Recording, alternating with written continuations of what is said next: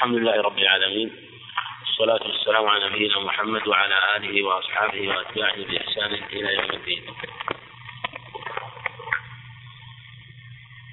يقول المصنف رحمه الله تعالى كتاب الجنائز يقال جنازة وجنازة بالفتح والكسر منهم من قال الجنازة الميت والجنازة كسر منهم من قال بالعكس.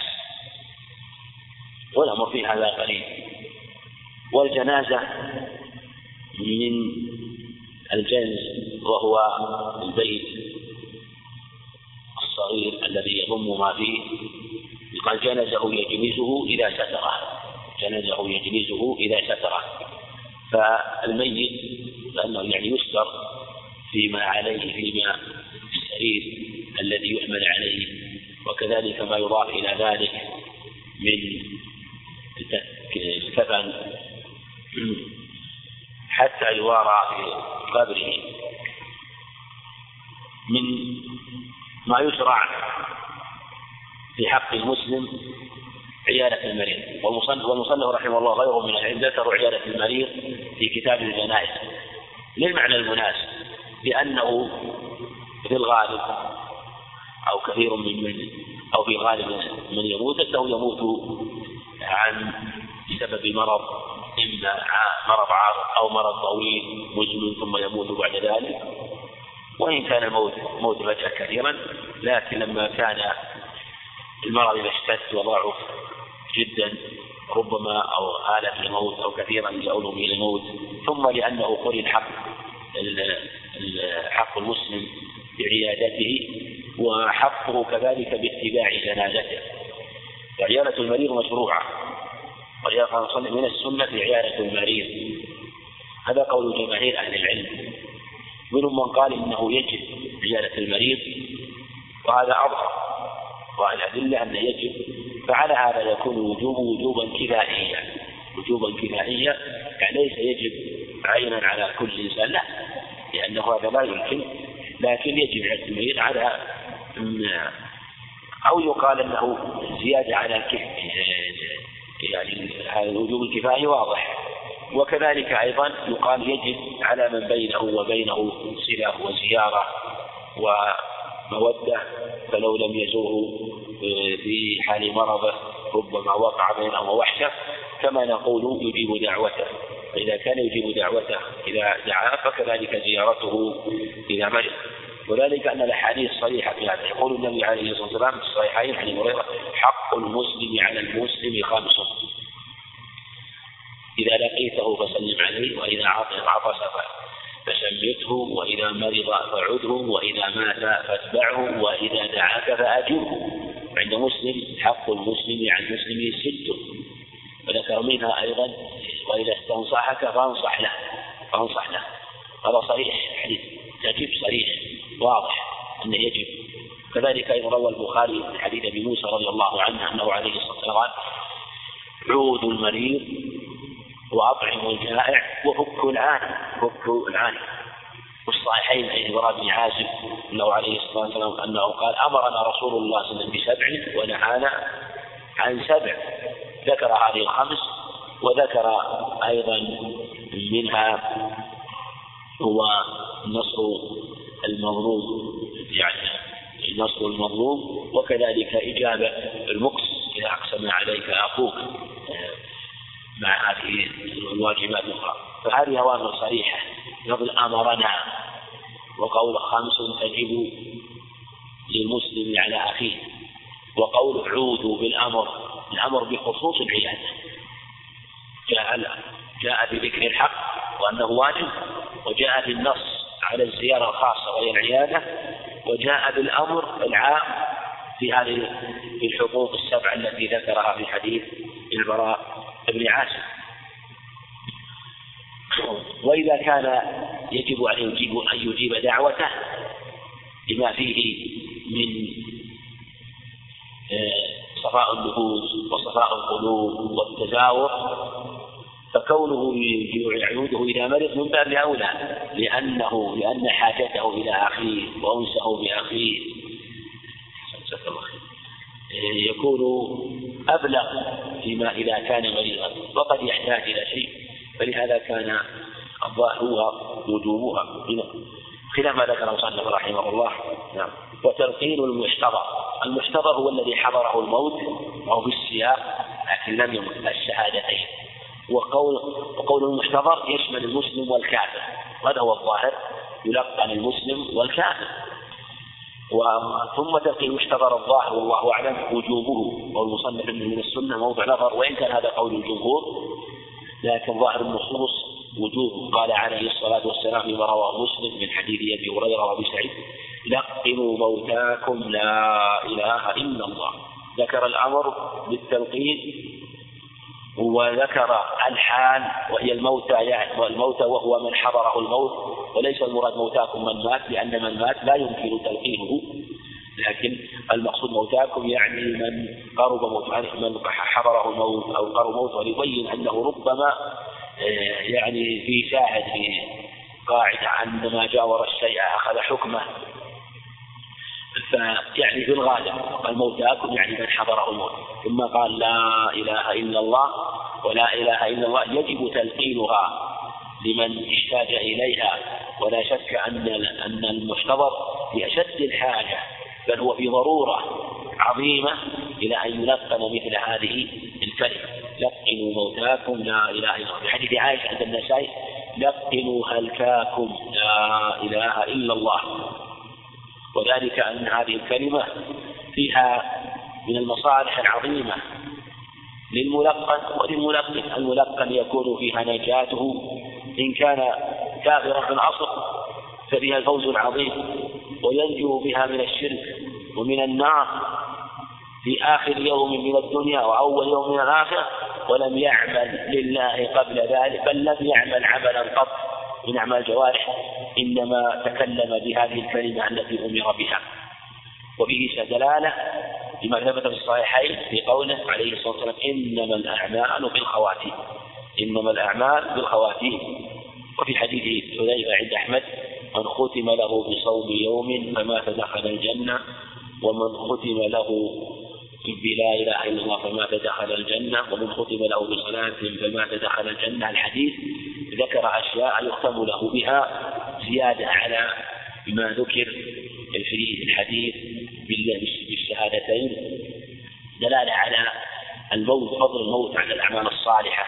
كما في الحديث المروي في هذا الباب من طرق من حديث أنس من حديث غير أنه عليه الصلاة والسلام قال إذا أراد الله بعبد خير عسله. بلفظ استعمله. قالوا ما عسله ما استعمله. قال يوفقه بعمل صالح ثم يقبضه عليه. يوفق لعمل صالح ثم يقبض عليه. وهذا شواهده من جهة كلمة التوحيد وما يتبعها من الأعمال الصالحة كثير في الأخبار. قال عليه الصلاة والسلام في حديث عثمان رضي الله عنه عند مسلم من مات وهو يعلم أنه لا إله إلا الله دخل الجنة. والأحاديث وقول لا إله إلا الله وأن بها الجنة هذا متواتر في الأخبار كثيرا لكن مطلق لم يقيد بالموت. وإذا ولما جاءت مقيدة في قولها حال الموت كان الجزاء الجنة. في حديث معاذ عند أحمد وأبي داود بسند جيد أنه عليه الصلاة والسلام قال من كان آخر كلامه لا إله إلا الله دخل الجنة. وفي لفظ آخر عند ابن حبان أنه عليه الصلاة والسلام قال زيادة قال فمن قالها يوما من الدهر دخل الجنة أصابه قبل ذلك ما أصاب. أصابه قبل ذلك ما أصاب. يعني هذه الكلمة كلمة التوحيد كلمة الإيمان. فشرع أن يلقن المحتضر لكن لا يقبل ولا يكبر عليه فيلقن فإن لم يقل بعدها شيئا ترك. فإن تكلم بعدها يعاد عليه القول برفق وسهولة حتى يقولها ويموت عليها.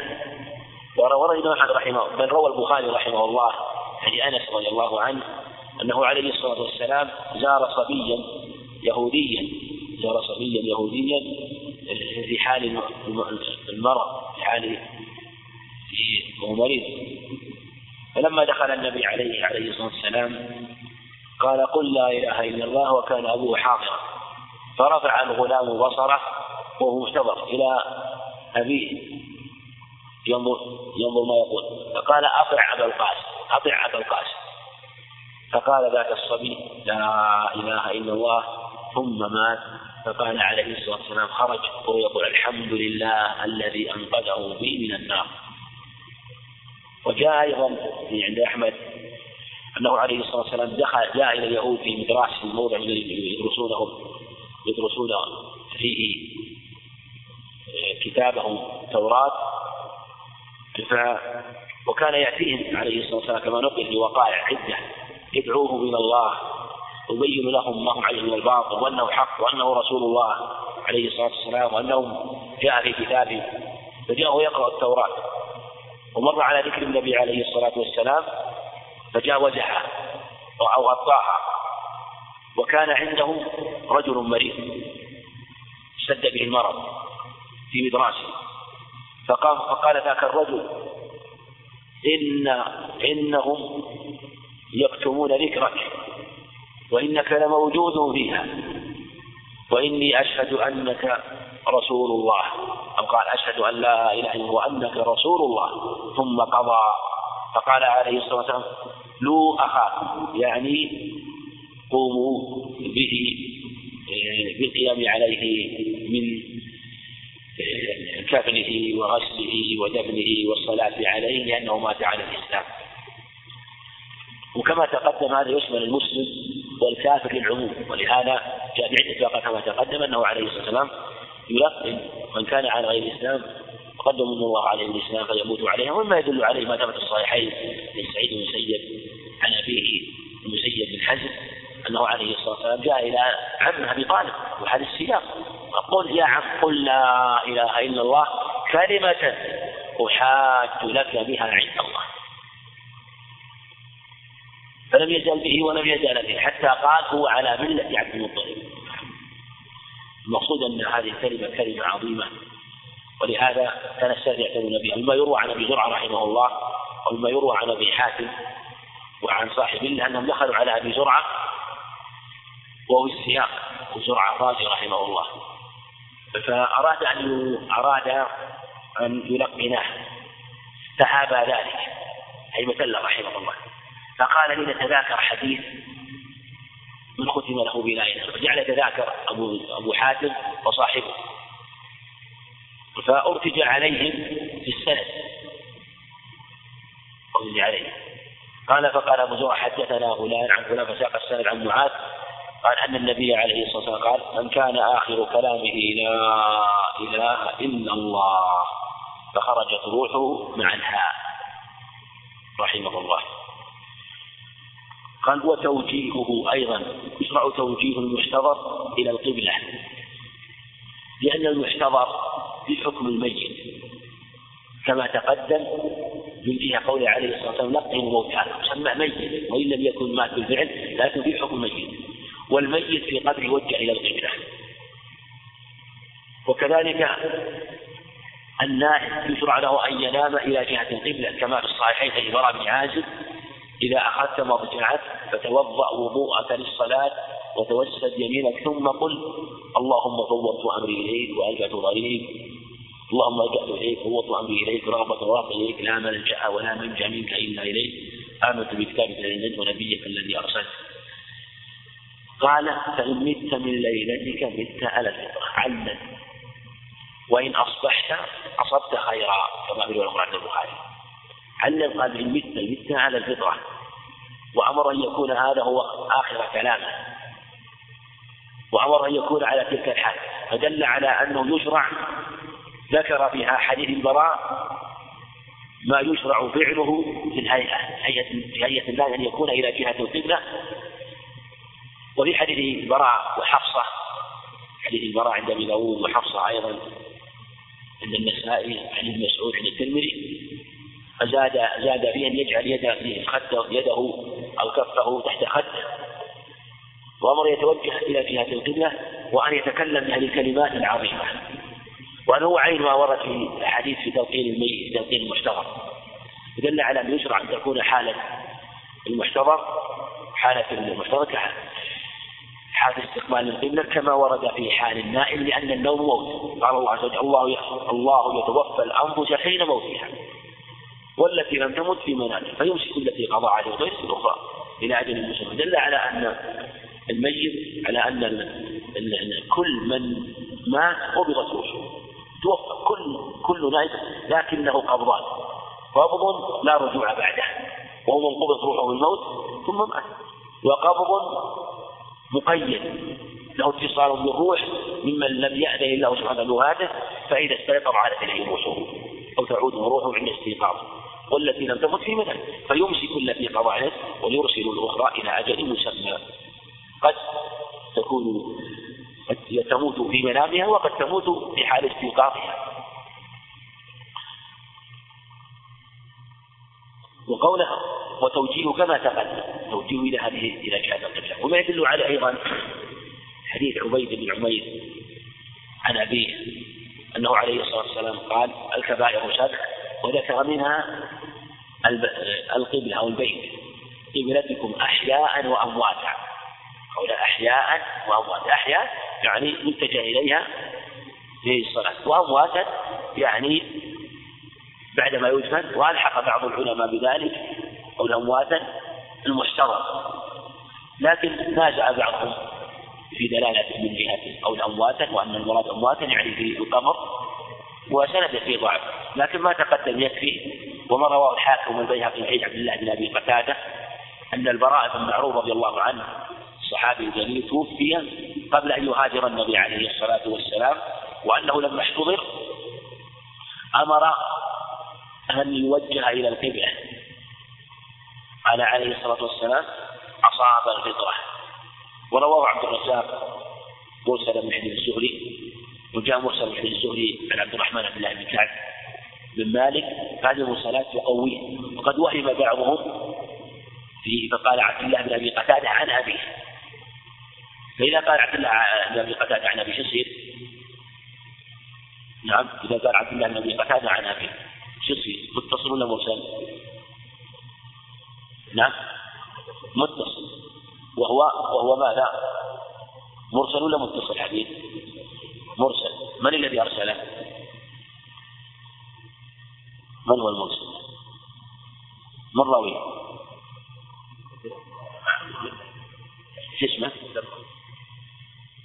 عبد نعم. عبد الله عبد الله بن أبي قتادة. عبد الله بن أبي قتادة. نعم. عبد الله بن أبي قتادة. هو مرسل. هو مرسل. أن عبد الله بن أبي قتادة تابعي رضي الله عنه. ذكره لم يدرك النبي عليه الصلاة والسلام. ذكر هذه القصة طيب قد يقول قائل هو ذكر قصة البراء معه البراء معه صحابي. متصل. ولا لا؟ صحابي.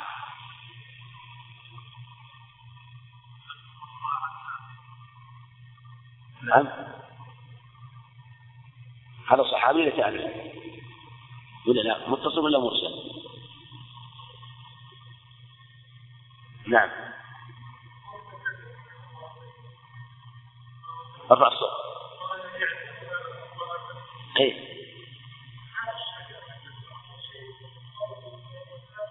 إيه طيب لكن قصدي من هذا على أساس يعني أن نقول انه مرسل وهو وهو يحكي عن البراء والبراء صحابي. طيب محتوى شلون يعني؟ طيب طيب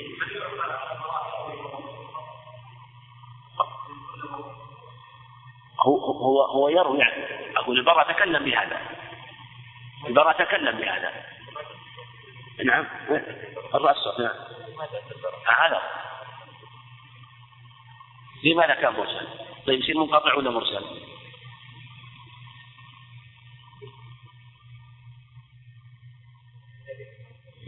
يعني النبي لكن النبي إيش قال؟ أصاب الفطرة. أصاب الفطرة. فهو يحكي كلام النبي عليه الصلاة والسلام. هو يروي عن البراء والبراء مات في عهد من؟ يعني قبل يهاجر النبي هو مات قبل يهاجر النبي. وهو لم يدركه أليس كذلك؟ لم يدركه. فرواه فروى حديث النبي عليه الصلاة والسلام لما بلغ كلام البراء قال؟ أصاب الفطرة. براء المعروف قال أصاب الفطرة. وعبد الله بن أبي قتادة يحكي واقعة. في عهد من؟ في عهد النبي. وأن النبي قال أصاب الفطرة فيكم المرسل والمتصل مرسل. على. ولم يروي عن البراء. يقول عن البراء. أو قال البراء حتى ننظر أنه منقطع ولا آه، مثلا متصل. لا هو يحكي عن واقع في عهد النبي عليه الصلاة والسلام. النبي قال أصاب الفطرة نعم. هذا القصد ينتبه للأدلة والآثار. لأن العمدة في هذا على الآثار. نعم. كما تقدم وتوجيه توجيه المراد توجيه إلى القبلة وتغميضه إذا مات هذا لما ثبت صحيح مسلم أنه عليه الصلاة والسلام لما دخل على أبي سلمة أبي سلمة بن عبد الأسد أبو سلمة توفي بعد الهجرة سنة أربع رضي الله عنه ورحمه وهو زوج أبي سلمة ثم تزوجها النبي بعد ذلك. يقول لما دخل على عليه وسلم أغمض أغمض عينيه. وقال إن الروح إذا قبض تبعه البصر. وروى شداد بن أوس أنه عليه الصلاة والسلام قال إذا دخلتم على الميت فأغمضوا عينيه. فأغمضوا عينيه. فإن الروح إذا قبض تبعه البصر. هذا الحديث الأول حديث من؟ في قصة في قصة نعم في قصة أبي سلمة لما مات. والثاني برواية شداد بن أوس. طيب شو شو الفرق بين الروايتين؟ شو الفرق بين الروايتين؟ نعم. الأولى فعل. من فعل النبي والثانية من قول النبي. دل فثبت تغميضه بالقول والفعل فدل على مشروعية تغميض العينين طيب لماذا تغمض العينان؟ قال العلماء لأنه ولقد إن الروح إذا قبض تبعه البصر. تبع ما قال تبعها؟ هذا يبين أن الروح مذكر فتبعه البصر لأن الروح إذا ذهبت ذهب سواد العين وبقي بياضها. فالمنظر ماذا؟ يقبح كما يقول العلماء يقبح. فلهذا أمر بإغماض عينيه. أمر بإغماض عينيه وهو أغمض عينيه عليه الصلاة والسلام لما حضر. يدل على أن من حضر الميت عليه أن يعتني به إذا حضر يعتني به. من كل ما يقبح. من ذلك أيضا أنه يشد لحييه أنه يشد لحييه ويغطي فمه لأن الميت أول ما يموت جسمه يصير؟ حار ولا بارد؟ حار. يمكن أعضاء في الليلة. فهي السنة أيضا أن يسكر لحييه وإذا خشي من انفتاحه خشي من انفتاحه فإنه يشده بشيء ويربطه من هنا على رأسه. لا بأس. وإن كان هذا أو أنه يعني يكون قد حد الرأس قليلا فلا ينفتح الفم. ثم آه، بعد ذلك إذا برد البدن فإنه يشتد فلا ينفتح. لماذا؟ حتى لا ينفتح الفم تنفتح العينان ويقبح منظره. هذا كله قبل العناية والاشتغال بغسله وبخلع ملابس الغسل نعم. نعم.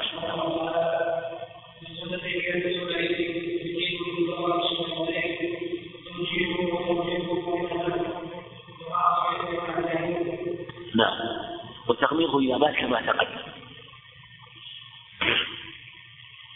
وفي هذا دلالة على أنه لا يفعل هذه الأشياء إلا إذا تحقق موته ولا يستعد لأن هذه في حق الميت لأن الميت له لأن لأنه ما زال محتضر له آه، ما يتعلق بمعاملته كأنه حي فلا يفتات عليه فإذا آه، تحقق موته بدأ وشرع في عنايته.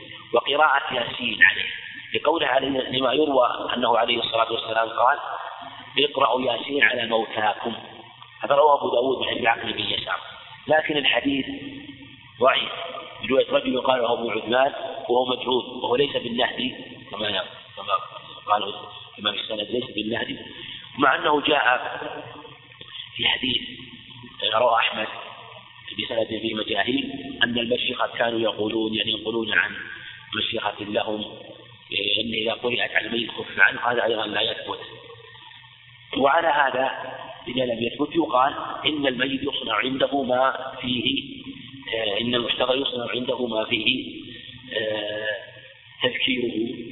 بالرجاء بالله عز وجل وحسن الظن بالله عز وجل ولا بأس أن يقرأ عنده القرآن. لا بأس أن يقرأ. لقوله عليه الصلاة والسلام فقولوا خيرا.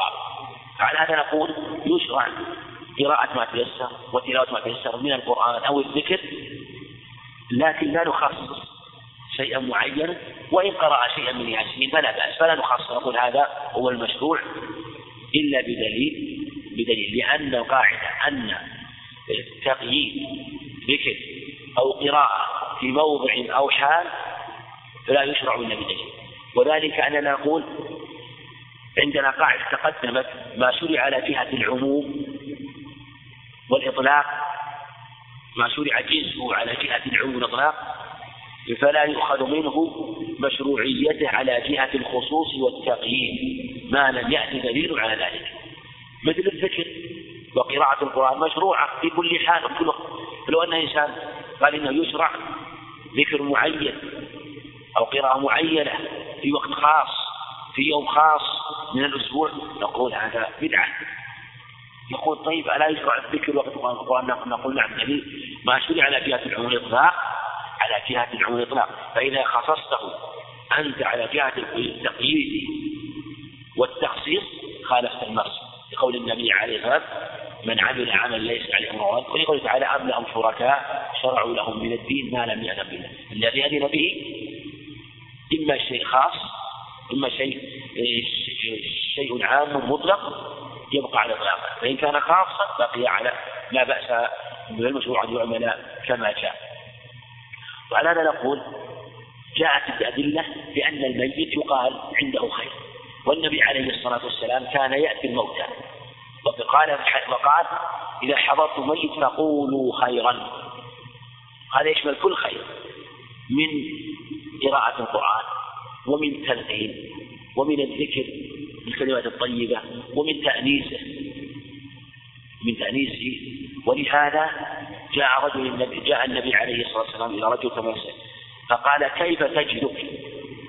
قال أرجو الله وأخاف ذنوبي قال عليه الصلاة والسلام ما اجتمعنا في عبد في مثل هذا إلا أعطاه الله ما يرجو أمنهم ما يخاف. ما روى أحمد الترمذي يعني نوع من التذكير. كما تقدم أنه عليه الصلاة والسلام أمر بتلقين الموتى ولقن أمر بتلقين من المحتضر وكذلك حضر كثيرا من المحتضر حضر من بعض المحتضرين فلقنه عليه الصلاة والسلام. هذا كله من الخير. فنقول إنه يشرع عند الميت من قول الخير والذكر من قراءة القرآن ونحوه فلا بأس أن يؤخذ من هذا العموم أن يقرأ عنده شيء ما تيسر من القرآن. نعم. نعم.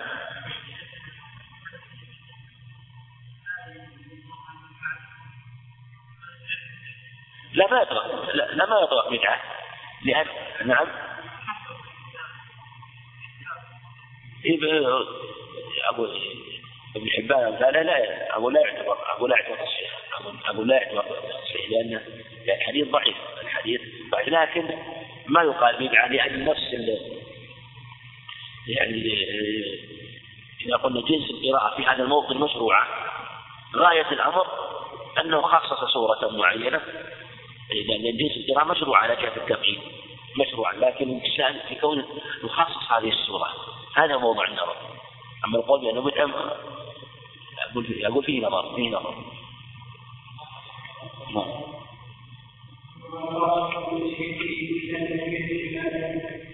نعم. والمبادرة بالتجهيز نعم هذا أيضا يسن في الميت المبادرة بالتجهيز روى أبو داود بن الحسين الموحوح أنه عليه الصلاة والسلام قال لا ينبغي لجيفتي لما دخل عليه قال أمرهم أن يستعجلوا فيه. قال لا ينبغي لجيفة مسلم أن تحبس بين ظهراني أهله شيء هذا وإن كان في سنة ضعف. لكن الميت كما يقول العلم كرامته دفنه. أماته فأقبره ثم أماته فأقبره. يبادر إليه يبادر إلى حمله. وثبت في الصحيحين أبي هريرة أنه عليه الصلاة والسلام قال أسرعوا بالجنازة. فإن تكن صالحة فخير تقدمون إليه وإن تكن غير ذلك فشر تضاعونه عن الرقاب فأمر بالإسراع بالجنازة يعني أن يمشوا بها مشيا ليس دبيبا كما قال أبو بكر. إن كنا لنرمل رملا يعني نمشي فوق يعني ما دون الخبر. ليس إسراع كون أسرع محتمل أن أسرع بالجنازة في كفنه وحمله وغسله يعني أسرع محتمل أسرع يعني في حال حمله آه لأن قال ودليل قال شر تضعونه عن الرقاب لكن إذا كان يشرع الإسراع بها حال حملها بدليل على أنه يشرع كذلك عدم تأخيرها قبل ذلك. يبادر إليها يبادر إليها.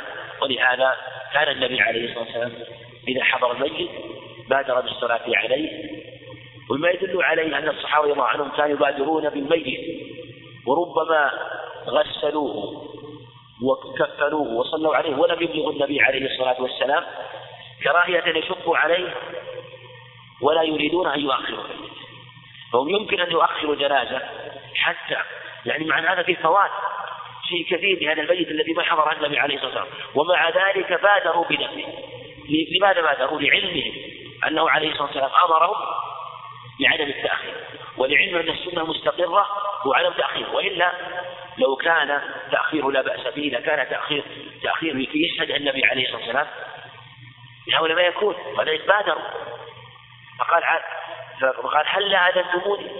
قالوا كرهنا أن نشق عليك. يعني الرسول عليه السلام يقول أيضا عليك آذنوني واعلموني. يعني وإن كان في ليل فإنه يبادر ويحكم لكنهم راعوا جانب عليه الصلاة والسلام في عدم الشق عليه وراعوا جانب الميت بما علموا السنة بالمبادرة إليه فهذا وجه أخذ الدليل من المبادرة في تجهيز الميت. قال إلا لتجويز حياته. يعني لو أشكل الأمر هل مات أو لم يمت وليعلم أن الإنسان إما أن يكون موته فجأة أو أن يكون موته مع مرض حتى قضاء تعالى إذا كان موته فجأة هذا الذي ينبغي التأني فيه وينظر الطبيب حتى يتأكد. فإذا علم موته بودر به. وكذلك لو مات فجأة وعلم موته بودر به. لأن الشأن أنه إذا مات فجأة ينظر. ليس لكن يؤخر. الشأن والتحقق إذا تحقق بودر به. نعم.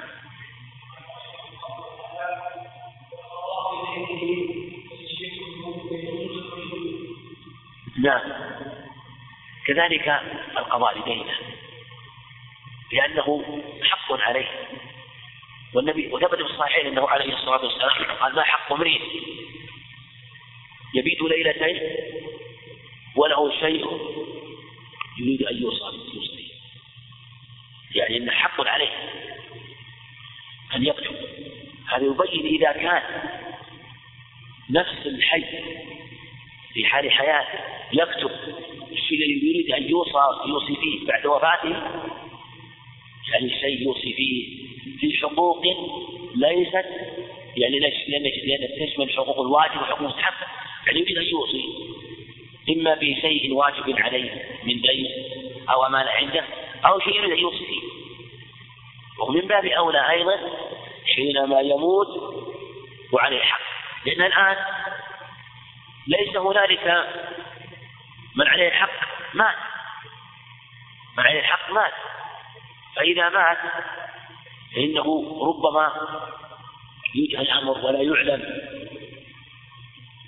هل عليه حق أو لم أو ليس عليه حق فإذا كان عليه حق علمه ورثته سن المبادرة به بقضائه. ولم يأمر النبي بالوصية إلا لأجل أن يبادر بقضاء الحق الذي عليه. وفي حديث أبي هريرة عند الترمذي حديث عمر بن أبي سلمة عن أبي هريرة أنه عليه الصلاة والسلام قال نفس المؤمن معلقة بدينه حتى يقضى عنه. ثبت في الصحيحين أنه عليه الصلاة والسلام كان إذا اتي بالميت سأل عليه دين يقيل عليه دين لم يصلي عليه. أو سأل عن عليه إن كان عليه دين قال هل هل خلف قضاء؟ فان كان خلف صلى عليه وإلا لم يصلي عليه. ثم بعد ذلك صلى عليهم ونسخ ذاك الأمر وقال أنا أولى بكل مؤمن من نفسه من ترك مالا ورغد للعصبة. من كان؟ من ترك كلا أو ضياعا فعليه فعليه ولي لفظ أنا أولى به. الشاهد منه تشديد في الدين على الميت وأنه لم يصلي عليه. فيبين أنه ينبغي المبادرة بقضائه حتى لا تكون نفسه معلقة وهذا التعلق في الدين الذي يكون صاحبه فرط فيه أو وجب الحق وتأخر. أما من أخذ حقا يريد أداءه والله يعلم ذلك منه فالله يقضي عنه. ونفسه لا تتضرر ولا تتعلق ذاك التعلق الذي يحبسه عن ذلك كرامته إن أراد الله له الكرامة سبحانه وتعالى. ولهذا قال عليه الصلاة والسلام من أخذ أموال الناس يريد أداءها أدى الله عنه. ومن أخذ يريد إتلافها آتلفه الله. جاء في حديث ميمونة وله شواهد أنه عليه الصلاة والسلام قال الله مع الدائن حتى يقضي دينه وكانت ميمونة رضي الله عنها تدان كثيرا وتقول أريد عون الله. فالذي يأخذ أموال الناس هو جاء أيضا عن عبيد ميمونة رضي الله عنها فهو فمن أخذ أموال الناس يريد قضاءها وأخذها بنفقة واجبة عليه أو لحق لازم فالله عز وجل يعينه ويقضيه. وفي حديث رواه أحمد في سنة بعض الكلام أنه يقول الله عز وجل لما أخذت أموال الناس؟ قال يا رب إني لم آخذ وأتلف أو أضيع إنما جاءه حرق أو غرق وذكر شيء يعني أنه تلف هذا المال بغير تفريط مني. إما شيء أحرقه أو شيء أغرقه.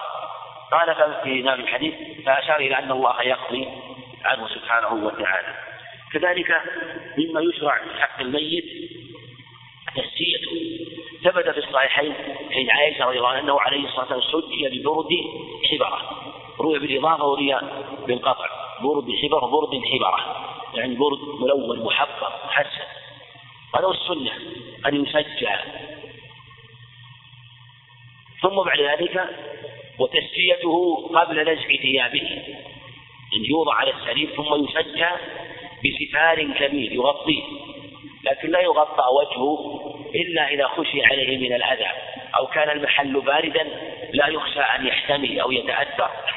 فلا بأس أن يغطى وجهه إذا كان يخشى أن يقع عليه أذى أو بسبب من الأسباب بشرط أن لا أن يؤمن اجتماع جلده وتضرر الجلد.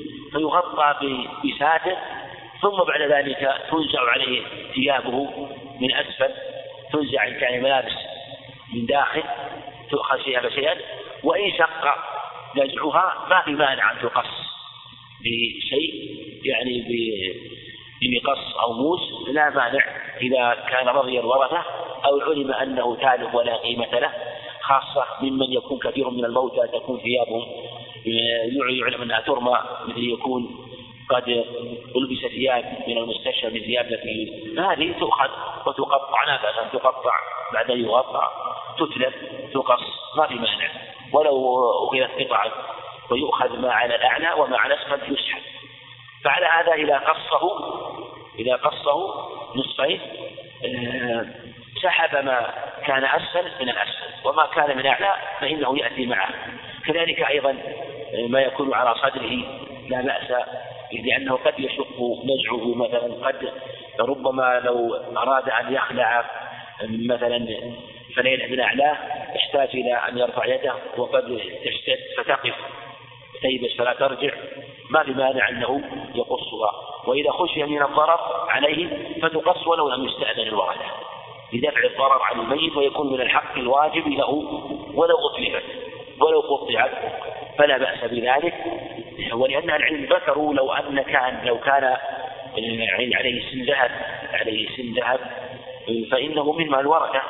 ولو أنه آل قطعه أو نزع السن يترتب عليه تخلخل الفك. أو أن يدمع. فإنه لا ينزع ويترك دفعا للضرر. من باب أولى أيضا الضرر اللي هو أشد. وكذلك الثوب أيضا. إذا كان نزعه في ضرر فلا بأس من شقه. أو إذا كان لا يخشى من ضرر ولم يحصل شح من وضع يزال به ثم ويكون عليه السعي عليه الستار الذي يستره ويغطيه قبل غسله. فيسجى كما تقدم يسجى ويستر وإذا كان النبي عليه الصلاة والسلام أغمض عينيه كما في سلمة للدلالة على مشروعية عيان الميت. ثبت في الصحيحين أنه عليه الصلاة والسلام قال من ستر على مسلم ستر الله عليه في الدنيا والآخرة. من ستر عليه ستر الله عليه. وإذا كان الستر عام على الحي فالميت كذلك. في حديث رواه أحمد في ضعف من غسل ميتا فلم يفشي عليه غفر الله له كذا يعني ذكر كبيرة أو كذا والحديث ضعف. لكن الشان أن أن الستر على ستر الميت وستر ما يكون منه واجب. إلا إذا كان هذا الميت من أهل الشر والفساد الذين ظهر شرهم وفسادهم فإن ذكر الميت يجري مجرى ذكر الحي. ذكر الميت يجري مجرى يجرى مجرى ذكر الحي. فإذا كان هنالك مصلحة شرعية في ذكر حال الميت تحذيرا منه فلا بأس. ولهذا ثبت الصحيحين من حديث أنس رضي الله عنه أنه مر بجنازة فأثنوا عليها شرا. قال عليه السلام وجبت وجبت وجبت. مر على جنازة فأثنوا عليها خيرا. فقال عليه السلام وجبت وجبت. ووقع في صحيح البخاري في الأسود عن عمر أنها وقع نحو من هذا وأخبر أن يجلس من هذا وقال أيما رجل شهد له اثنان فهو من الجنة أو نحو من هذا. وفي حديث أنس أنتم شهداء الله في أرضه. أنتم شهداء الله في أرضه. يعني عمر أي مرة شهد له اثنان أدخله الله الجنة. أو قال أربعة. أربعة. في حديث آخر أيضا عند أحمد بنحو من هذا بنحو من هذا وقال إذا شهد له أربعة من جيرانه لأجل لا نعلم إلا خيرا قال الله عز وجل قبلت شهادتكم وغفرت له ما لا تعلمون. ما تعلمون فكما تقدم ستره هو الواجب وهو الأصل إلا يعني ستر ما يتعلق بحاله حال الموت وستره ما يتعلق بحاله حال حياته. فإذا كان فيه مصلحة شرعية جاز ذلك. قال عليه الصلاة والسلام دعوا الأموات فإنهم قد أفضوا إلى ما قدموا هذا هو الأصل. دعوا الأموات فإنهم قد أفضوا إلى ما قدموا حديث المغيرة. لا تؤذوا أمواتنا فتسؤوا لا تسبوا أمواتنا فتؤذوا أحياءنا. وجاء هذا معنى في عدة أخبار عنه عليه الصلاة والسلام. ويجوز تقبيله. وهذا ثبت في صحيح البخاري عن عائشة وعن ابن عباس أن أبا بكر رضي الله عنه دخل جاء من الصلح فقبل النبي عليه الصلاة والسلام. في لفظ أنه قبله بين عينيه عند أحمد. وفي البخاري قال بأبي أنت وأمي طبت حيا وميتا أما الموت التي كتبها الله عليك فقد متها. لما بلغه ما بلغه القصة المعروفة بطولها رضي الله عنه ثبته الله ثباتا عظيما ثبت الله به الإسلام وأطع به الإسلام وأظهره حتى إن عمر مع قوته وشدته لم يتحمل حول ذلك الموقف وسقط رضي الله عنه لما سمعت يتلو قوله تعالى وما محمد إلا رسول قد خلت من قبله فإن مات وقتل انقلبتم على أعقابكم من ينقلب على عقبه فلن يضر الله شيئا وسيجزي الله الشاكرين كأنه لم يسمعها وكانها لتوحيد لكن عمر رضي الله عنها غاص عليها. وأخذها من كتاب الله. الصحابه رضي الله عنهم لم يغص عليها في زمن أحد.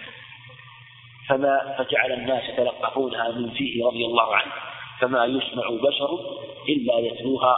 كان عمر يصول ويجول بالسيف وأتى أبو بكر خادعا مطمئنا ولم يلتفت إلى الناس ولم يأتي إليهم وهم مجتمعون في المسجد متفرقون في الطرقات. فقصد إليه حتى تتحقق مع أنه سمع أنه مات من طرق كثيرة لكنه قصد إليه فكشف الستر ثم لما رأى علم أنه ميت ثم خرج وتلا الآية فلما تلاها أقبل الناس عليه واجتمعوا وتركوا عمر رضي الله عنه. فالشاهد التقبيل وأنه لا بأس بتقبيل الميت. وفي حديث عثمان وفي حديث عائشة رضي الله عنها عند أبي داود في سند بسند ضعف في ضعف أظن من طريق عاصم بن عبيد الله أنه أن النبي عليه الصلاة والسلام قبل عثمان بن مضعون قبل عثمان بن مضعون رضي الله عنه. نعم وعلى هذا قد يقال أنه يشرع تقبيله إذا كان المقصود رحمته لأن الرحمة مثل هذه الآن مشروعة وربما كان معها شيء من الدعاء. نعم. نعم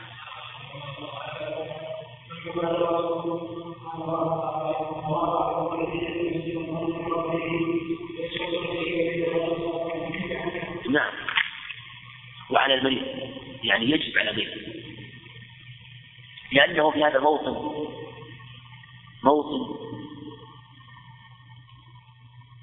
قريب من الآخرة وقد يموت مرض حاد خاصة يشتد المرض. أن يحسن الظن بربه هذا عام. المريض يحسن الظن بربه سواء اشتد مرضه أو ضعف مرضه. وقول عن المريض لا مفهوم له. بل على الصحيح والمريض واجب. حسن الظن بحسن العبادة كما رأى كما في السنن. أنه عليه الصلاة قال حسن الظن من حسن العبادة.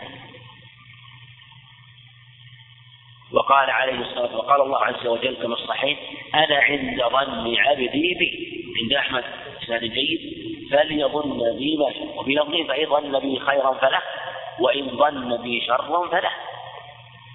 وعند مسلم حجاب أنه عليه الصلاة والسلام لا يموتن أحدكم إلا وهو يحسن الظن بالله. لو يحسن قال يحسن يحسن. يحسن الظن واجب. ومن حسنت ظنونه حسنت أعماله. ومن ساءت ظنونه ساءت أعماله. حسن الظن دليل على حسن الإيمان حسن اليقين وحسن العمل. فإذا أحسن الظن بربه دعا وهو يرجو الإجابة. صلى وهو يرجو القبول؟ استغفر وهو يرجو المغفرة. عمل كل عمل وهو يرجو من رب كريم أن يقبل منه سبحانه وتعالى. والله عند حسن ظن عبده حسن ظنه.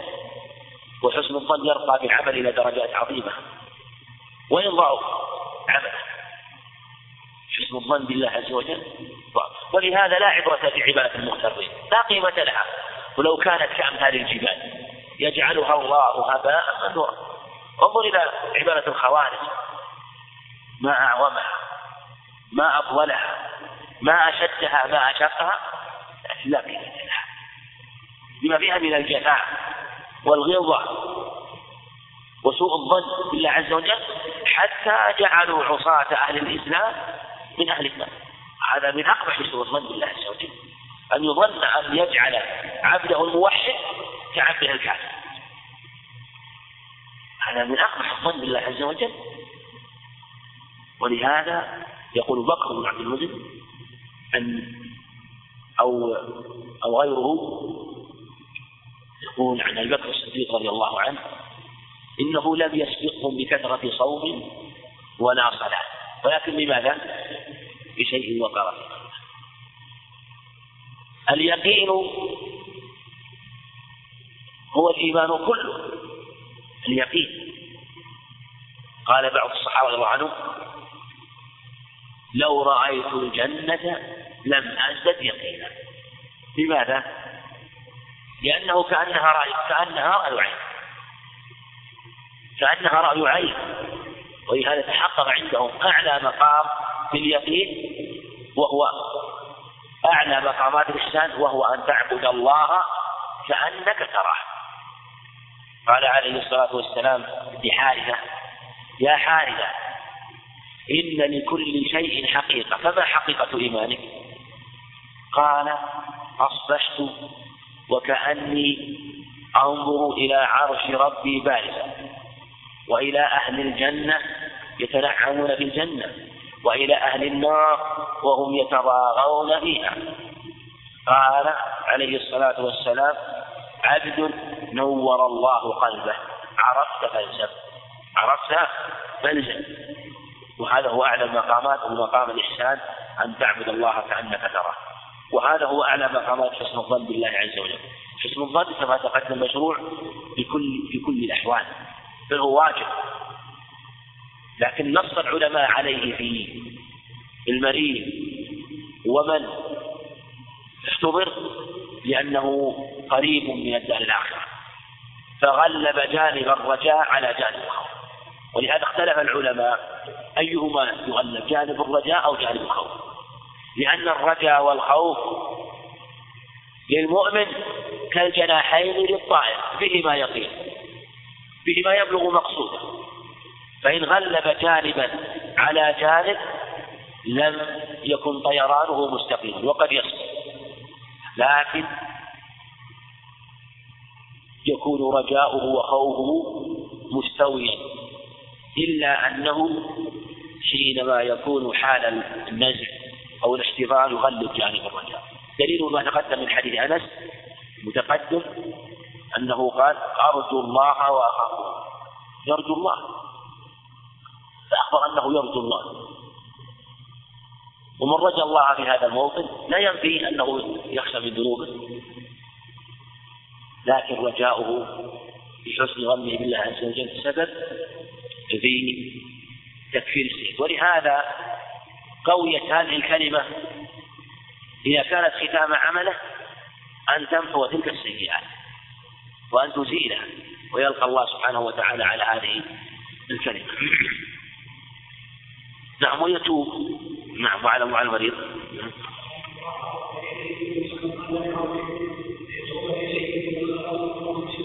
نعم. ويتوب إليه. توبة واجبة. وتوبوا إلى الله لعلكم تفلحون. توبة يعني توبة واجب على الجميع.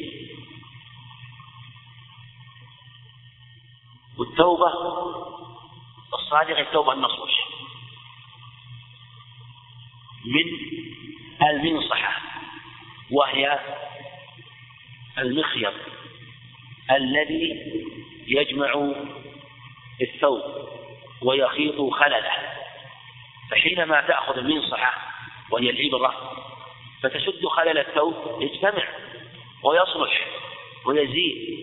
فسميت التوبة توبة نصوحا لأنه نصح نفسه فجمع شملها وشعثها حتى كان همه هما واحدا.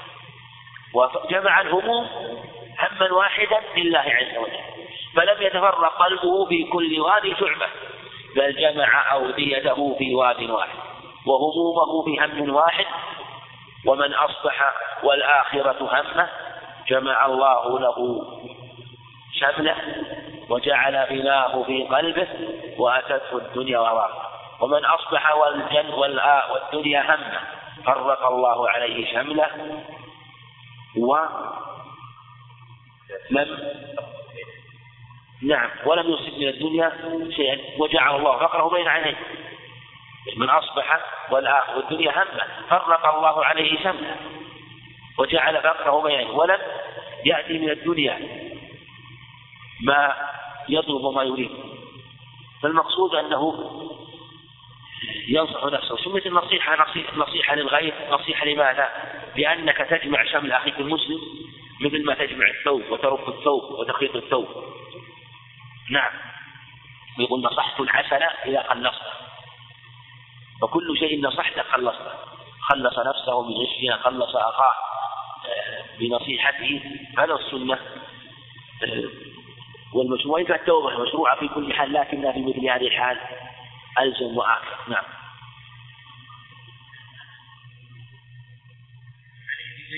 نعم نعم.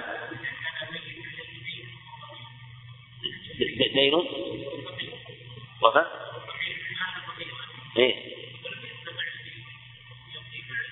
الحمد لله. لا لا إن كان عليه دين أقول إن كان إن كان عنده مال.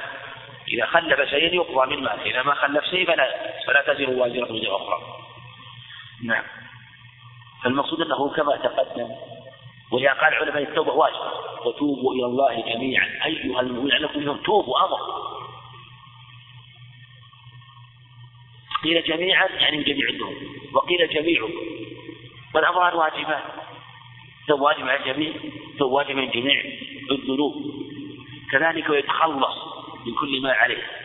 وهذا مثل ما تقدم يتخلص من الحقوق في حال حياته الواجبة. يجب أن يتخلص من الحقوق الواجبة عليه. لكن إن كان عليه حقوق بدين لو لكن لو كان عليه حق مثلا بدين والدين هذا مؤجل. مؤجل. هو مرض الآن قال واحتمال غلب على ظنه. يعني وقع بنفسه أنه يمكن أن يموت. وعليه دين. هو مؤجل يلزم قضاءه نعم. الرأس.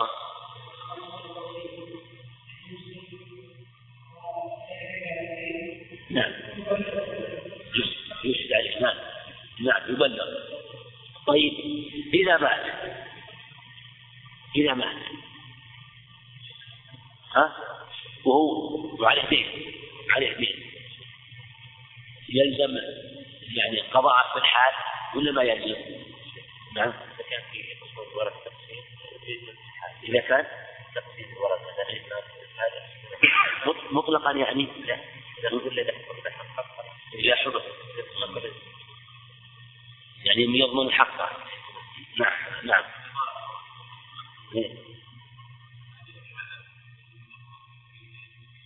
أربع صفحات أربع نسمعون ليه؟ قالوا طيب لو قالوا مثلا نبي نقسم لكن الآن هو مات الآن وأجل الدين بقي عليه سنة. شلون نعطيه الآن؟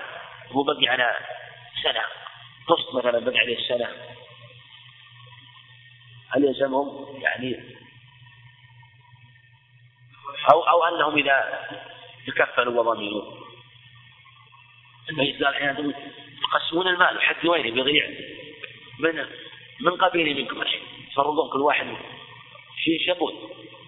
إيش نقول؟ هنا ها؟ نرفع الصوت الدين طيب هم يقولون دين مؤجل الأجل يسقط ولا يبقى؟ يقول الميت راح الميت ما عاد له ذمة خربت ميت خربت ذمة ما عاد له ذمة خربانة ذمة. يقول يقول فقهاء إذا مات الميت خربت ذمة. نعم. إذا كان هو مو بسيط. هذا دين ولا حق يا بعض يقولون إنه كل المال. بعد لو كنتم مملوكين بعتكم اخذت حقي منكم. هاي لكن نعم.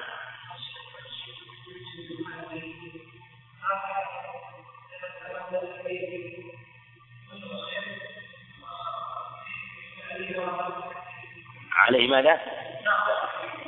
يعني يضمنون له. يعني يضمنونه. يعني يضمنونه بكفيل.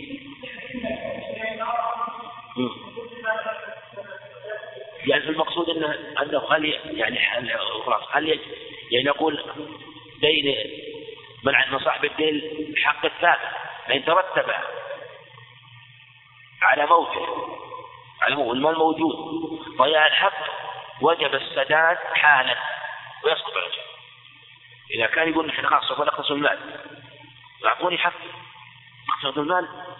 من قبيلي؟ من. من الكفيل قالوا ما منين يجب لأن ما دام أنه سوف يترك يسقط هذا الحق إلا أن يضمنوا بكفيل أو ضمين أو كفيل أو رهن محرز هذا الرهن نرهنك أو نعطيك هذا البيت هذا رهن حتى يحتاج. أو أو يتكفل أحدهم ليضمن له حقه ويثبت ويكون مليئا لا بأس. أما إذا فات فنقول من نحيله الميت مات الآن. قلنا الميت انتهى ما عاد له. والورثة لم يحصل بينه وبينهم عقد ما يطالبه والمال لا يمكن أن ينسب إليه. المال يقتسم المرأة أو يأخذ صاحب الدين. فهذا هو الصواب في هذه المسألة. ويقول ويتخلص من كل ما عليه آه هذا في حياته وإذا مات وجب على الورثة أن ينفذوا ما وجب إن كان وصية أو دين عليه وله قضاء يقضي نعم. نعم. لا ما يشترط.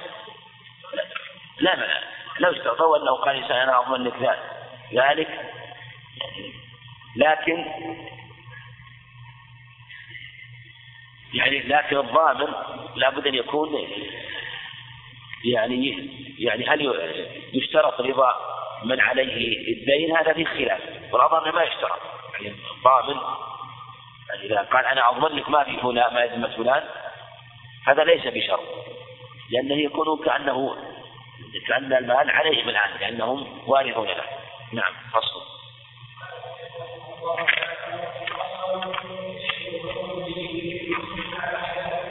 نعم.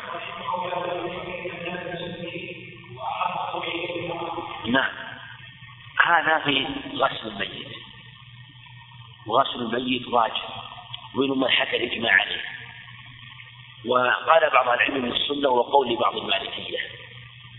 لكن الصواب أنه واجب وجوبا كفائيا ولم يقع إجماع على الوجوب. وإن كان لم يقع إجماع فإنه ما إشكال أنه واجب. يجب غسله. والنبي ثبت في الصحيحين أنه عليه الصلاة والسلام قال في حديث ام عطية في بلادته التي ماتت اغسلنها بماء وسد اغسلنها ثلاثا أو خمسا أو أكثر من ذلك إن رأيتن ذلك. وفي لفظ عند البخاري اغسلنها ثلاثا أو خمسا أو سبعا. وعند أبي داود اغسلنها ثلاثا أو خمسا أو سبعا أو أكثر من ذلك. جعل الأكثر بعد السبع. وفي البخاري جعل الأكثر بعد الخمس. منهم من قال أقصى حد الغسلات سبع ولا يغسل بعد بعدها أكثر. لأن رواية البخاري ما فيها إلا خمس أو أكثر من ذلك. والسبع ما ذكر بعدها أكثر من ذلك. لكن رواية أبي داود قال؟ بعد ماذا؟ بعد السبع. فعلى هذا كم تغسل؟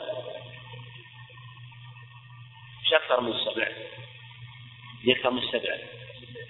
تسع. مو ثمان ثمان لأنه مطلوب وتر مطلوب ولهذا رواية البخاري اغسلنها وترا. نص على الوتر اغسلنها وترا. لكن ينبغي ان يعلم أن المراد ليس أن الغسل على ما زاد على الثلاث سنة على الإطلاق. لا. هل سنة ولا سنة عند الحاجة؟ شو الدليل؟ نعم. إن رأيتن ذلك. شك يعني جعله إلى رأيهن قول رأيهن هذا ينبع على أن الأمر راجع إلى اجتهاد الغاسل أو الغاسلة. فلو غسل الثلاث الغاسلة ثم بعد ذلك خرج أذى. إيش نقول؟ تغسلها كم؟ اثنتين زيادة على ثلاث. ولو غسلت خمسا فرأت شيء من الأذى تغسل إلى سبع. وبعد الرواية الأخرى لا بأس أن تزيد إلى التسع لأنه قال أكثر من ذلك بعد السبع. نعم.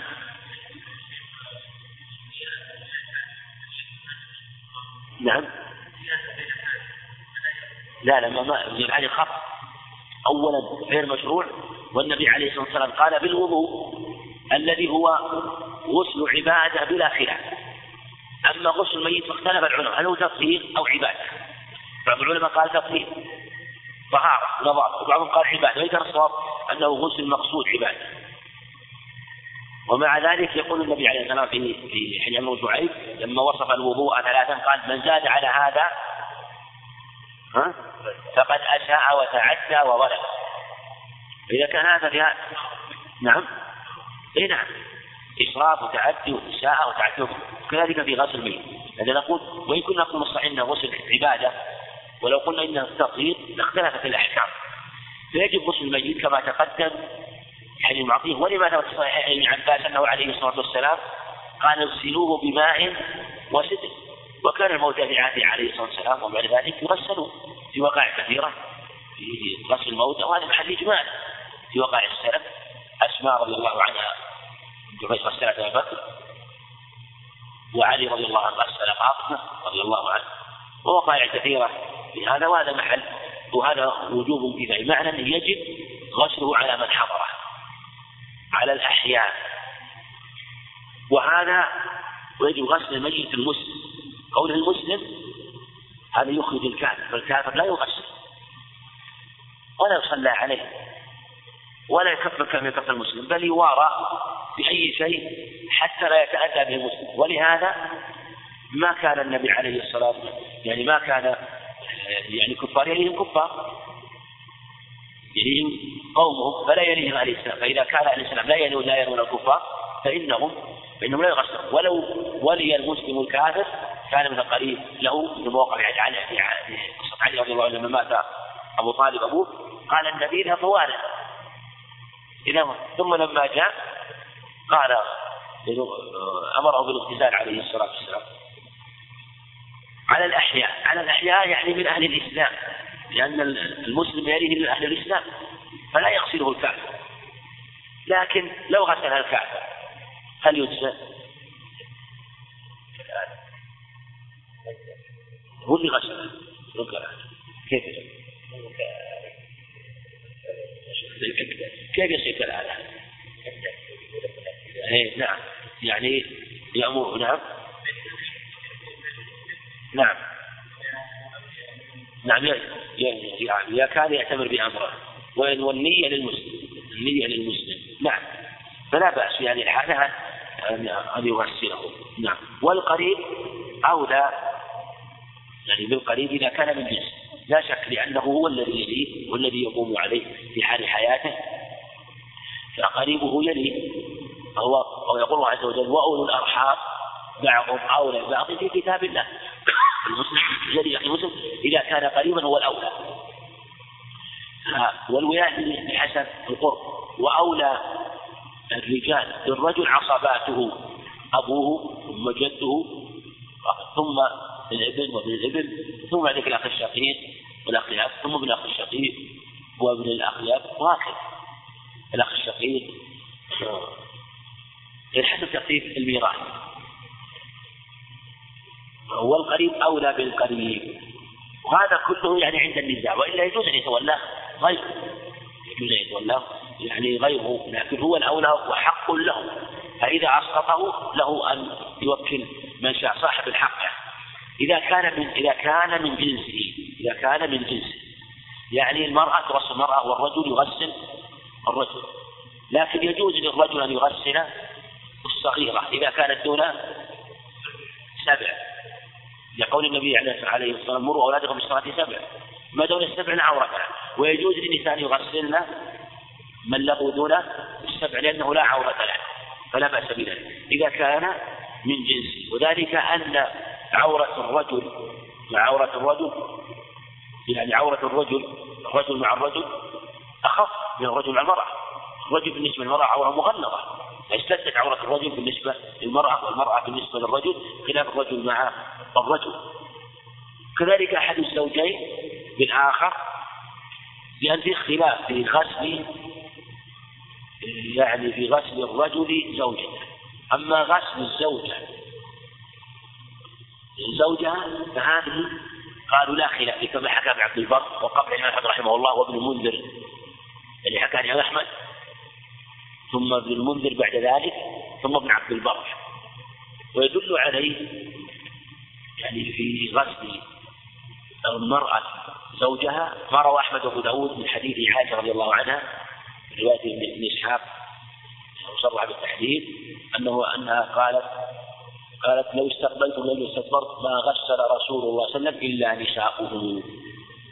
وهذا الحديث سبق سال بعض الإخوان عن طريق الشبكة وقلت ان حديث أبو داود لما ذكر عن قال قصة أنه عليه الصلاة والسلام قيل أن ناداه مناد فقال نغسل رسول الله صلى الله عليه وسلم من فوق ثيابه. قلت ان الحديث رواه أبو داود مطولا وأما ذكر أما قول حكم هذا كنت يراجع لا أذكرها. مراجعة عشان أبي داود وجدت كذلك.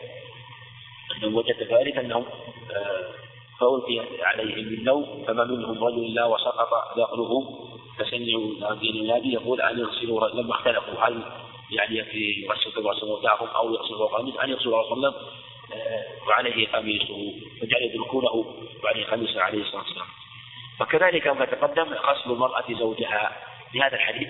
أما غسل الرجل زوجته آه، فكذا فهو روى أحمد بن ماجه جيد أيضا بدأ بن إسحاق وصرح بالتحديد ورواه أحمد بن مجهر عند أحمد.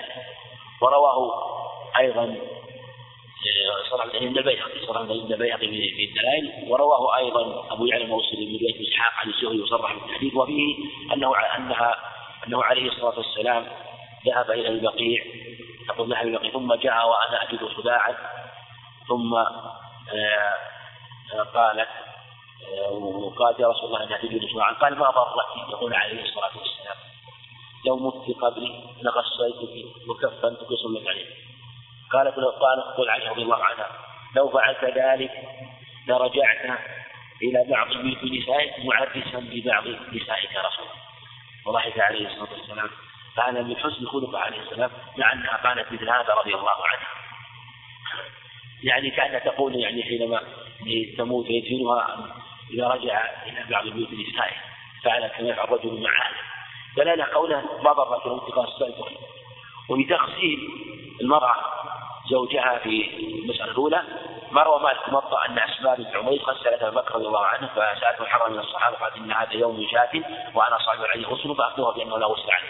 وفي تغسيل الرجل امرأته ما روى ابن أبي شيبة أن علي رضي الله عنه غسل فاطمة في وصية منها رضي الله عنها. نعم.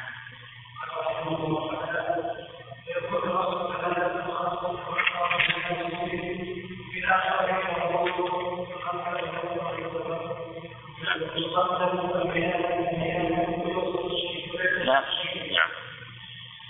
نعم بعد ويكون الغسل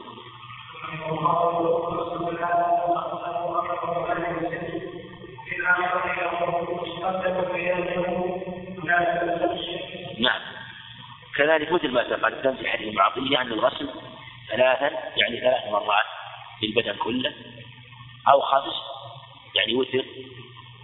أو سبع في الرواية الأخرى عند البخاري أو أكثر من ذلك. كل هذا كما تقدم للمصلحة. لكن هل الغسل ثلاث واجبة أو الواجب مرة واحدة؟ ذهب الجمهور إلى أن الواجب غسلة واحدة. لأنه هو يحصل بالمقصود وقالوا كما أن غسل الجنابة وهو أشد وأعظم الواجب مرة واحدة. كذلك الوضوء الواجب غسلة واحدة. فكذلك غسل الميت الواجب غسلة واحدة. وذهب بعض العلم إلى أن الواجب ثلاث غسلات. واجب ثلاث غسلات. لقول اغسلنها ثلاثا. ولفظ اغسلنها وترا. ونص عن فقالوا إن الواجب أمر ثلاث ووتر مثل إزالة مثل ما يزال الأذى بالأحجار والتراب الواجب أمران. ثلاث مرات ثلاث حصيات ثلاث حفنات تراب وكي يكون يعني ممكنا يعني مع الإلقاء ولا يكون أقل من ثلاث. فلا يكون لا يكون لا يكون وتر أقل من كذلك هذا.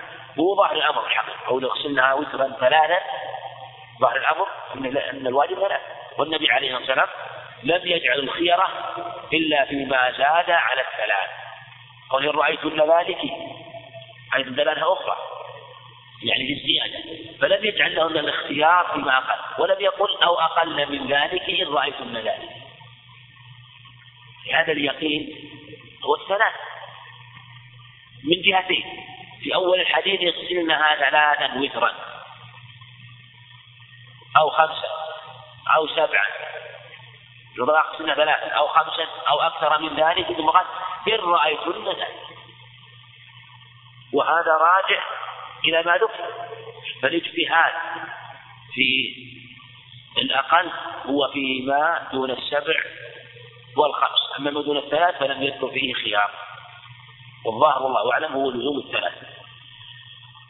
بماء ظاهر الأوامر بماء بماء وستر بماء وستر في الماء في الحديث كذا تقدم حديث ابن عباس بماء وستر وفيها دلالة كما تقدم معنا في الماء.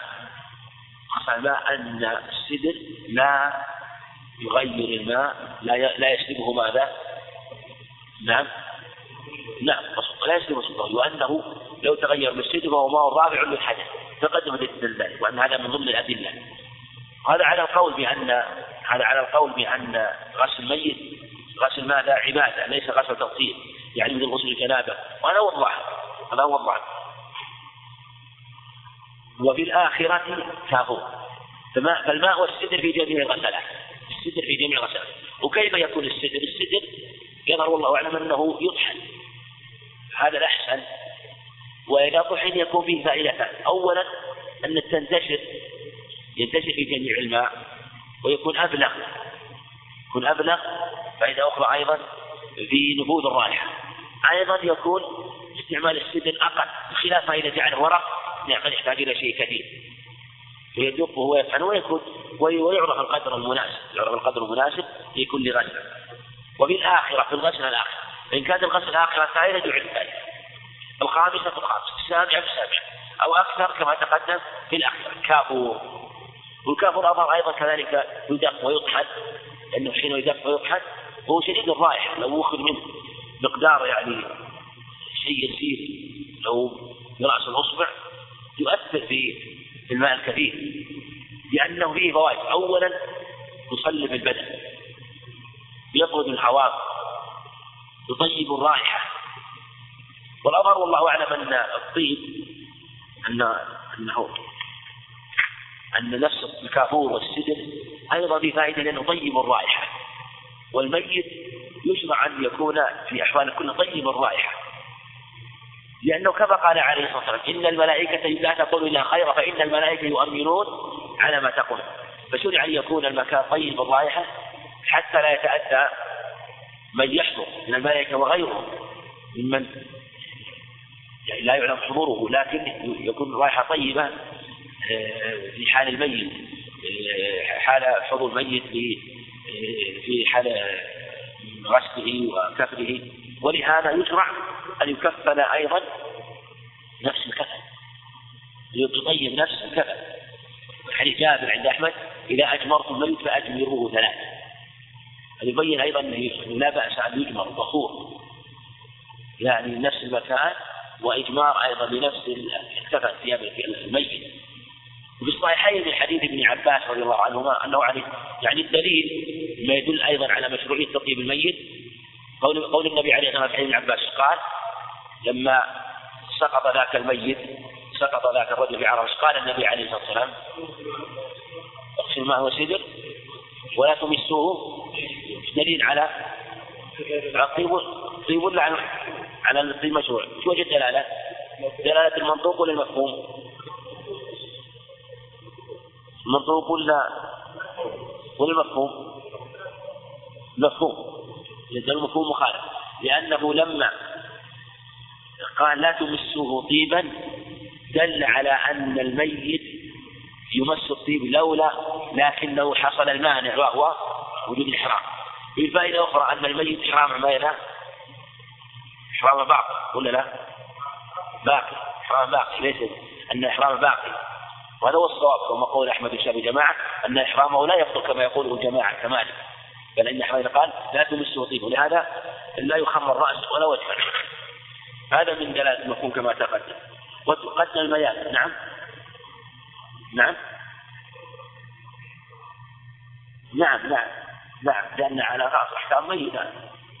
نعم. وتقدم البيان نعم. نعم نعم. يغطس وجهه ورأسه. وتقدم الميامن لقول النبي عليه الصلاة والسلام بميامنها. وفي دلالة على ومواضع الوضوء دلالة على أن الميت يوضأ. هنا دلالة على أنه يعمل به كما كما يعمل حي خاصة بغسل في أعلى أنواع الغسل وغسل جنابة. فيوضأ. ويبدأ بوضع المضمضة ومن توضيح أيضا على الصحيح المضمضة والاستنشاق. لكن المضمضة والاستنشاق ليست بإدخال الماء لأنه إذا دخل الماء إلى جوفه يضر لكن يكون بأن تأخذ مثلا خرقة مبلولة بالماء فينظف لا ويزيل الأذى حتى يزول الأذى كذلك أيضا يأخذ خرقة خشنة فيدلك أسنانه يدلك أسنانه ويشوصها بشيء بخرقة أو بسواك على وجه لا يدمي اللحى كل هذا مشروع في حقه الميت ولا يغسل غسل ولا يغسل الشهيد. لما ثبت في صحيح البخاري عن جابر أنه عليه الصلاة قال لم يغسل يعني لم يغسل ويصلى عليه. أن يغسلوا ولم لم يغسلوا ولم يصلى عليه. كذلك حديث حديث أنس عند أحمد وأبي داود أنه عليه الصلاة والسلام أمر بدفنهم بدمائهم حديث حديث ابن عباس أنه لم يغسلهم ولم يصلي عليهم. عن أنس أنه أمر أن يدفنوا بدمائهم وثيابهم. فالشهيد لا يغسل لا يغسل. وهذا تغسيل الشهيد أو عدم تغسيله هذا هو محل قول عامة أهل العلم قول عامة أهل العلم. والمراد بالشهيد شهيد المعركة. المراد بالشهيد شهيد المعركة. المعركة مع الكفار. والشهداء أو القتلى من الشهداء أقسام أربعة. شهيد لا يغسل هذا شهيد المعركة هذا بلا إشكال للعذر والنوع الثاني شهيد يقاتل وهو يغسل ويصلى عليه بلا خلاف. من هو؟ المفعول والمفعول. شهيد يعني في في الآخرة. يعني الأحكام الآخرة لكن في الدنيا يغسل ويصلى. يسمى شهيد عندنا بقي شهيدان وهو من قتل ظلما. نعم؟ نعم نعم من قتل ظلما وهو نوعان. الأول من قتل في معركة كمن قتل كقتيل البغاة في معركة لأنه يكون في قتيل البغاة. والنوع الثاني من قتل ظلما مثل من قتل قطاع الطرق أو السراق أو نحوه أو اعتدى على الإنسان فقط. فهذان نوعان من الظلم اختلف العلماء فيه. هل يلحق الشهيد بالمفعول المفضول أو يلحق بقتيل المعركة. بعض العلم الحق آه، قتيل المفعول قتيل البغاة بقتيل المعركة. والمقتول ظلما من من من من قاطع طريق الحقوه بشهيد بالشهيد المطعوم كالمطعوم المطعوم هذا المذهب. منهم من قال لا يغسل يصلى عليهم.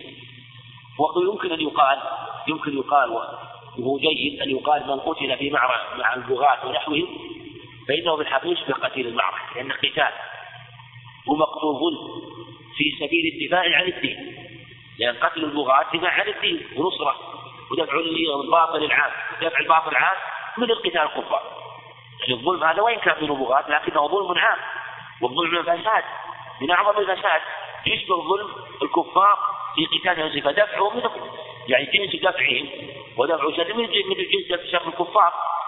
وإن كانوا في أهل الإسلام لكنهم يقاتلون كما يقاتل الكفار وإن كانت تختلف الأحكام يتعلق بالسبي ونحوه والغنائم وأشبه ذلك لكن الشأن أن من جهة دفع شرهم يشبهون الكفار. فهذا قد يقال كما هو المذهب أنهم يلحقون بقتل المعركة في قتال الكفار.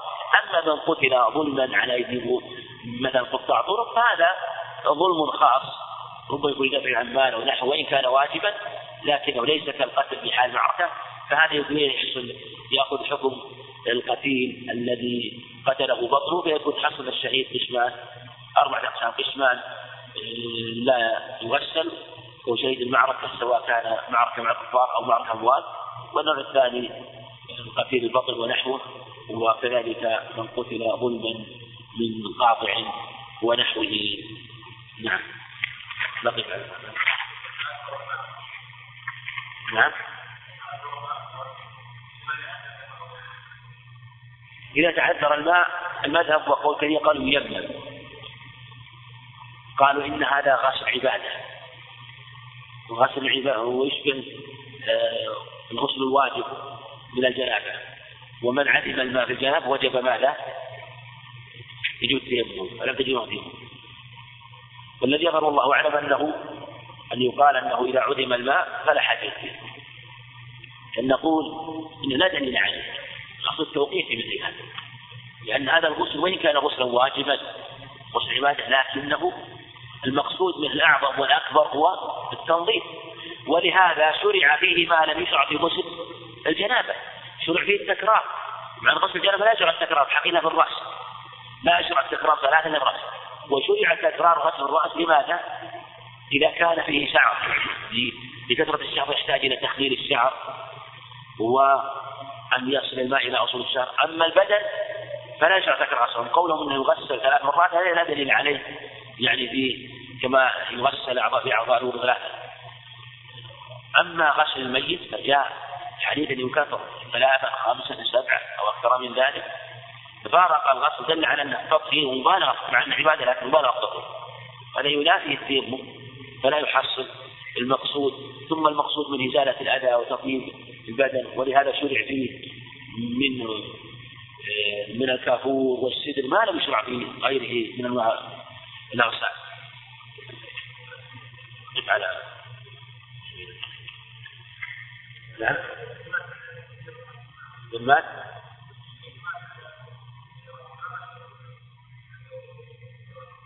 مات يعني ما يعني جرح في المعركة ولم يمت فيها. نعم؟ هذا نقول من مات من جرح في المعركة فهو قسمان قسم يكون جرحه موحي. معنى موحي؟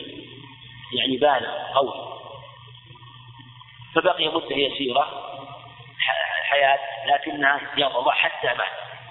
فمات من أثر الجرح ولم ينزل الجرح فهذا لا يغسل هذا لا يغسل آه، كما تقدم الصلاة فتأتي وإن أكل أو شرب على الصحيح. يسمونه الارتفاع أو ارتد فإن كان أكل وشرب شرب ولم يطل الفصل فإنه لا يغسل لأنه شهيد معركة مات في الحالة وقريبا ويدل على أن كثيرا من قتل المعارك بقوا. وتحدث بعضهم شرب الماء بعضهم ولم يغسلوا وحكم حكم شيء معركة القسم الثاني من جرح لكن استمر به جرحه. مدة وطارت المدة. ونقل أيام. فهذا إذا مات غسل وكفن يغسل وصلى عليه. حكم الحكم سائل الله. لما ثبت في الصحيحين أن النبي قصة معاذ رضي الله عنه لما جرح على الاكحل في غزوة الأحزاب نقلها النبي إلى المسجد عليه الصلاة والسلام. ثم برئ جرحه حتى كاد ثم قال اللهم إن كنت وضعتها بينها وبين فاقتلها ففجرت وفي لفظ إنه أصابته دابة فانفجرت ثم مات فغسل صلي عليه رضي الله عنه.